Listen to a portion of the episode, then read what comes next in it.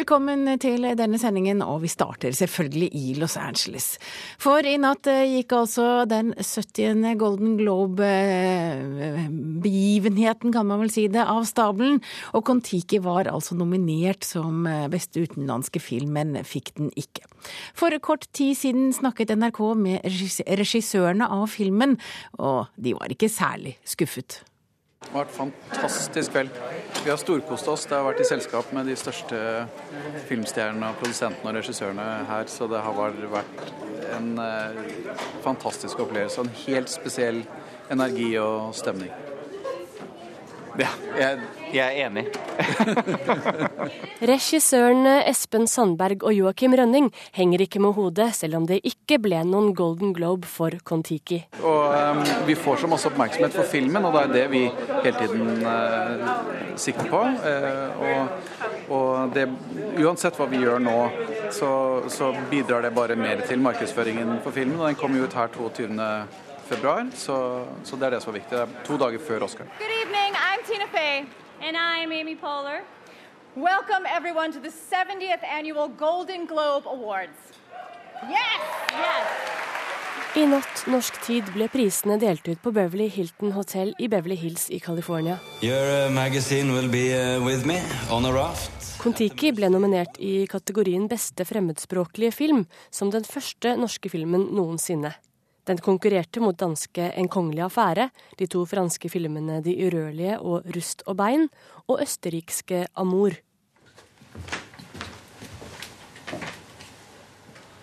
Mais tu fais quoi Tu avais laissé l'eau couler.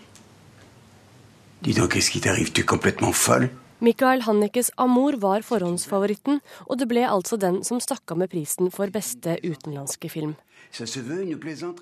Golden Globe ble delt ut av Hollywood Foreign Press Association for 70. gang i natt norsk tid. 90 medlemmer fra over 50 land stemmer fram vinnerne. Thank you so much to the Hollywood Foreign Press Association for this award. En takknemlig Jessica Chastain fikk prisen for beste kvinnelige skuespiller i en dramafilm. I've wanted to be an, an actor since I was a little girl, and I've worked for a really long time. And to be here now in this moment, it's a beautiful feeling to receive this encouragement and support, and thank you so much. Et av nattens heteste navn ble TV-serien Homeland, som tok tre priser. For beste dramaserie og beste mannlige og kvinnelige skuespiller. Filmen Operasjon Argo vant prisen for beste dramafilm. I tillegg fikk Ben Affleck prisen for beste regissør for samme film. Og britiske Adele fikk pris for beste filmlåt med sin Skyfall.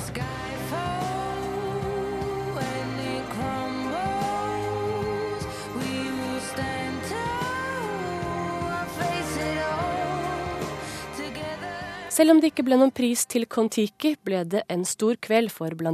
manusforfatter Petter Skavlan. Det er et eventyr. Altså, alle som er opptatt av kjendiser, så er dette den store, våte drømmen. De er overalt. Eh, du får sånne tips om gå på do og sånn, så står det Jeg, Jeg sto og tisset ved siden av Joey. Eh, men vi kom hit nå med Der var Steven Spielberg, og der var Glenn Close og der var eh, de alle sammen. Det var storartet. Ja, det er ikke alle som har opplevd det på toalettet. Og vi hørte altså reporterne her, Anders Tvegård og Ina Strøm og Agnes Moxnes, du er kulturkommentator her i NRK. Du ble litt misunnelig nå? Ja, jeg skulle gjerne vært der, det må jeg bare innrømme. Men, men hvorfor vant ikke Kon-Tiki?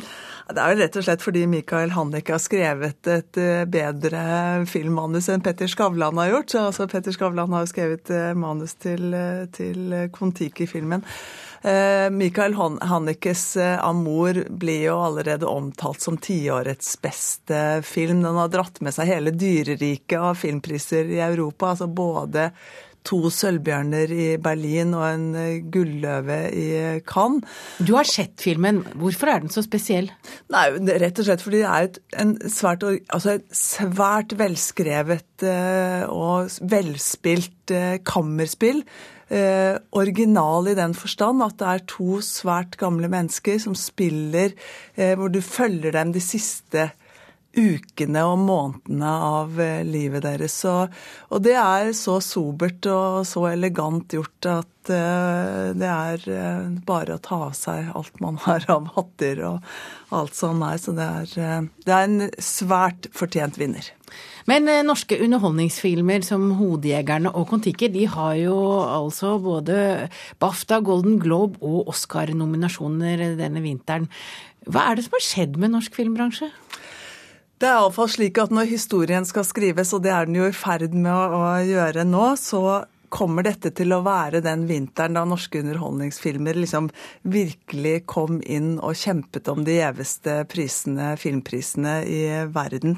Fordi at det er jo altså første gang det er en norsk film som er nominert til en Golden Globe-pris. Det er også første gang det er en norsk film som er nominert til britenes gjeveste pris, altså BAFTA. Eh, 'Hodejegerne', skrevet eller laget, bygget på et manus av Jon Nesbø. Eh, veldig spennende å se hvordan det går med den i begynnelsen av februar. Og så er jo Kon-Tiki tilbake igjen da når Oscar skal deles ut. Så, og det er interessant å se at det er underholdningsfilmene som nå liksom leder an og, og lykkes. Der vi, liksom, vi lengter jo så veldig etter å få til dette med de store internasjonale prisene. Hva er det først og fremst å merke seg ved nattens utdeling?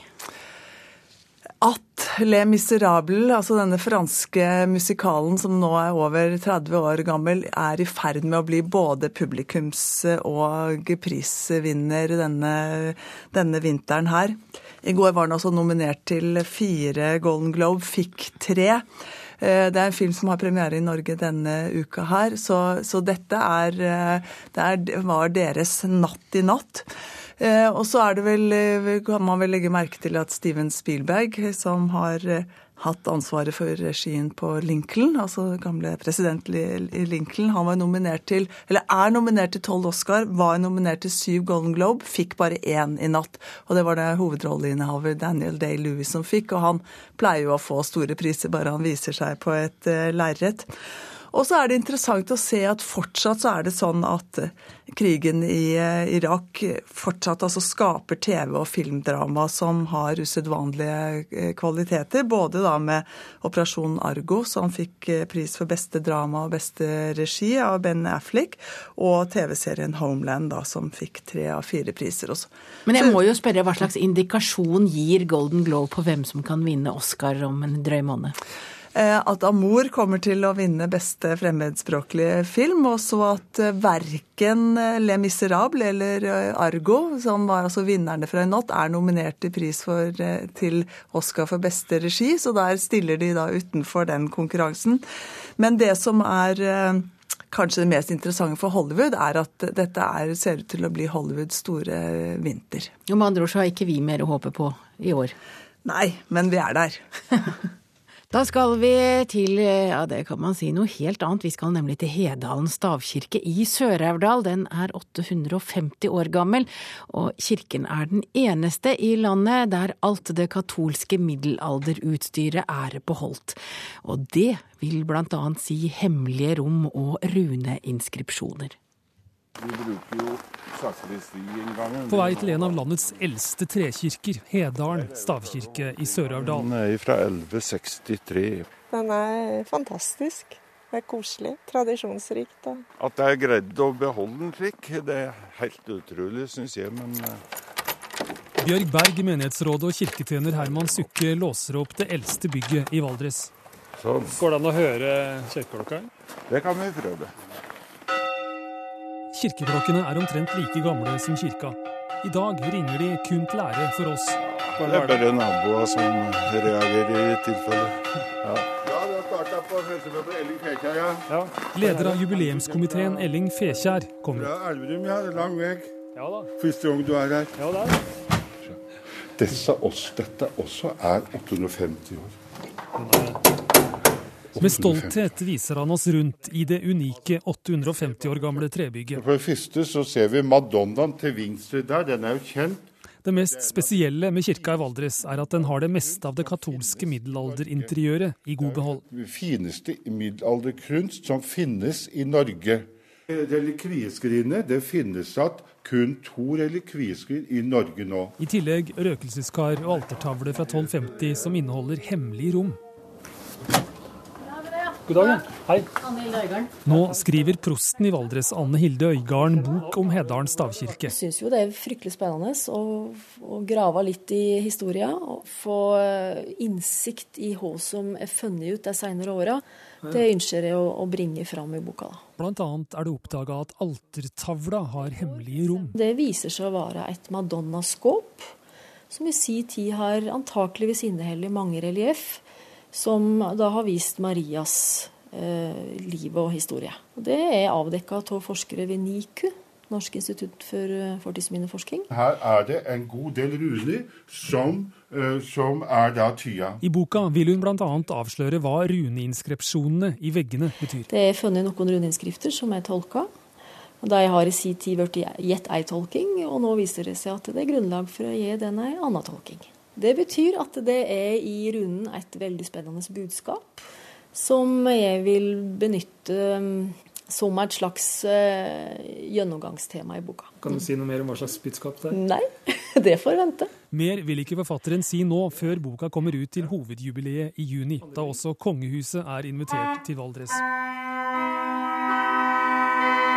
I helga startet 850-årsmarkeringa av Heddalen stavkirke. Hver måned i hele år blir det jubileumsarrangementer i stavkirka fra 1163. Dette er jo ikke ei kirke som et museum. Dette er jo bygdas brukskirke. Det er her vi kommer i sorg og glede. Eh, Og det å få lov å leve livet i ei, et slikt unikt kirkehus, det gir noe med oss som hedålinger. Og der hørte vi klokkene i Hedalen stavkirke, og det var Stein S. Eide som hadde vært på besøk. Rasistiske og hatefulle meldinger på Twitter har økt kraftig i Frankrike, og nå krever flere antirasistorganisasjoner at Twitter utleverer informasjon om de som sprer det rasistiske budskapet. plusieurs concours d'antisémitisme, mais également quelques concours de racisme contre les Noirs, contre les musulmans, contre les homosexuels. Antalet rasistiske budskap har fullkomlig eksplodert på Twitter og den uttrykker hat mot jøder, muslimer, svarta og homoseksuelle. Dette er en farlig utvikling som i verste fall kan lede til en økning av rasistiske brott i vårt samfunn. Det sier Jonathan Hayoun på UEJF, Union des étudiants juifs de France, en judisk student og antirasiströrelse. Uppåt 18 000 rasistiska meddelanden har spridits på Twitter i Frankrike sedan i höstas och det är en markant ökning från tidigare år. Debatten rasar i fransk media sedan ett par dagar och man talar i många fall nu om Twitter-skandalen. Euh, des week-end, le propos réseau social antisémites. Twitter est pollué Man vet i dagsläget inte vem eller vilka som skrivit de rasistiska budskapen. En liknande tendens har även rapporterats från Ungern och Ukraina säger man på organisationen SOS Rasism. Medan de däremot är väldigt få på sociala medier i Tyskland. Att stoppa rasistiska budskap på internet är en lag i Frankrike sedan 2004. Flera stora antirasistorganisationer som UEJF, SOS Rasism och Lyckra har därför begärt att få ut namn och adressuppgifter på de personer som sprider de rasistiska budskapen. Men på Twitter vägrar man lämna ut detta. Genom sin advokat Alexandra Neri hävdar man att företaget måste följa amerikansk lag och att det i USA är förbjudet att lämna ut kontaktuppgifter av det här slaget. Twitter har visserligen tagit bort de flesta av de rasistiska budskapen i dagsläget men fallet har ändå hamnat inför domstol i Frankrike och flera advokater i både Frankrike och USA är inblandade. Først i slutet av januari kan man få et svar i frågan om man i Frankrike kan få ut namnuppgifterna. Den heta debatten har fått en rad personer bland allmänheten, i kulturkretsar samt i politiska partier att nu öppet ta ställning mot rasism. Jonathan Hajon på den judiska organisationen säger att han är positivt överraskad över att många åtminstone känner sig indignerade över rasistbudskapen på Twitter. Og det sa reporter Johan Tolgert. Da skal vi snakke om den amerikanske forfatteren Richard Ford. Den amerikanske forfatteren ble etablert med bøker som Uavhengighetsdagen fra 1995 og novellesamlingen Rock Springs fra 1987. Nå foreligger Canada hans sjuende roman siden debuten i 1976. En sterk historie, men med skjønnhetsfeil, mener vår anmelder Leif Ekle. En forfatter som svir av handlingens kjernepunkter i romanens to første setninger, er trygg på sitt eget prosjekt. Richard Fords Canada åpner slik. Først vil jeg fortelle om ranet som foreldrene våre begikk. Deretter om mordene som skjedde senere. Dermed er dagsorden lagt, og så langt er alt vel. Følgene av og forsøkene på å forstå Foreldrenes ubegripelige bankran den høsten Del Parsons og tvillingsøsteren Burner er 15, er mer enn tilstrekkelig til å hekte taket i leserens oppmerksomhet og beholde den. Hva, spør Del 50 år senere, idet han skriver historien sin ned, hva i denne verden er det som får foreldre så vidt han kunne se nokså normale og tilsynelatende velfungerende foreldre, til å gjøre noe så tragikomisk desperat for å komme unna en moderat gjeld. Og det på et vis som måtte ende i fadese og ødelagte liv for en hel familie. Det er 1960. Del, søsteren og foreldrene deres bor i Great Falls, Montana, en by ihuga Richard Ford-lesere har besøkt før, ikke minst i den sterke novellesamlingen Rock Springs. Som mange andre barn av militære på stadig og beordret flyttefot, har verken Del eller søsteren venner å snakke om. Viktigere, Del har lite annet enn sin egen familiekvartett å sammenligne med, bruke som utgangspunkt for å fatte det vanviddet som rammer ham og søsteren. Foreldrene ser for ham ut til å være greie nok, men sett utenfra, han vet rett og slett ikke. Slik blir da også en undersøkelse av det normale, det forventede, et gjennomgående tema i romanen. Hva er vanlig, hvordan kan vi vite at de rundt oss er hel ved? Det er dette erkjennelseskaoset Del befinner seg i, der han kort tid etter ranet smugles unna det lokale barnevernet over grensen til Canada og møter en verden og mennesker som er enda mer ubegripelige enn det han er kastet ut i. Det skjer i romanens del to, der han i løpet av noen høstuker konfronteres med, forsøker å lære en verden av arbeidsfolk, fulle jegere og særlig den mystisk dragende Arthur Remlinger hotelleieren som skal ta vare på ham, en amerikaner med skjelett i skapet. Det går ikke bra, som vi også skjønner av de første setningene. Problemet med romanens andre del er imidlertid at Richard Ford faller ut av sin egen konkrete, realistiske og nøyaktige stil, og inn i noe mer utflytende som først og fremst i formen ikke virker helt gjennomtenkt, og heller ikke helt vellykket. Og selv om første del er romankunst av høy klasse, ligger også den under for en viss ordrikdom og en litt trettende hang til fynn og visdomsord ved kapittelslutt. Ingen av delene kler den gode Richard Ford, og det blir tydelig at det er i novellene, det korte formatet, han er best. Da skal vi nordover, for om få minutter starter nemlig Tromsø internasjonale filmfestival. What's your name? I'm on a rise right out of the ground. Django. Then you're exactly the one I'm looking for. Hey, stop talking to him. Calm down. I'm simply a customer trying to conduct a transaction. Last chance, fancy pants. Oh, very well. Ja, i, under det, den internasjonale filmfestivalen i Tromsø kan du blant annet se Quentin Tarantinos nye film Django Unchained, og den fikk altså to Golden Globe-priser i natt. Og den er også nominert til Oscar. Men Stine Hommedal, det er 300 filmer som skal vises i løpet av de neste dagene, og hva er de andre høydepunktene? Nei, Det er i alle fall 300 visninger eh, som skal vises av eh, totalt over 90 filmer. Så det er jo klart at her vil det jo være noe for enhver smak. Men det som i alle fall har vakt en del oppmerksomhet, er at Tromsø, som er kjent for å være en eh, by med mange aktivister for Palestina, så har da TIFF valgt å sette fokus på Israel i årets eh, festival. Og programsekretær i TIFF, Henning Rosenlund, hvorfor har dere valgt det?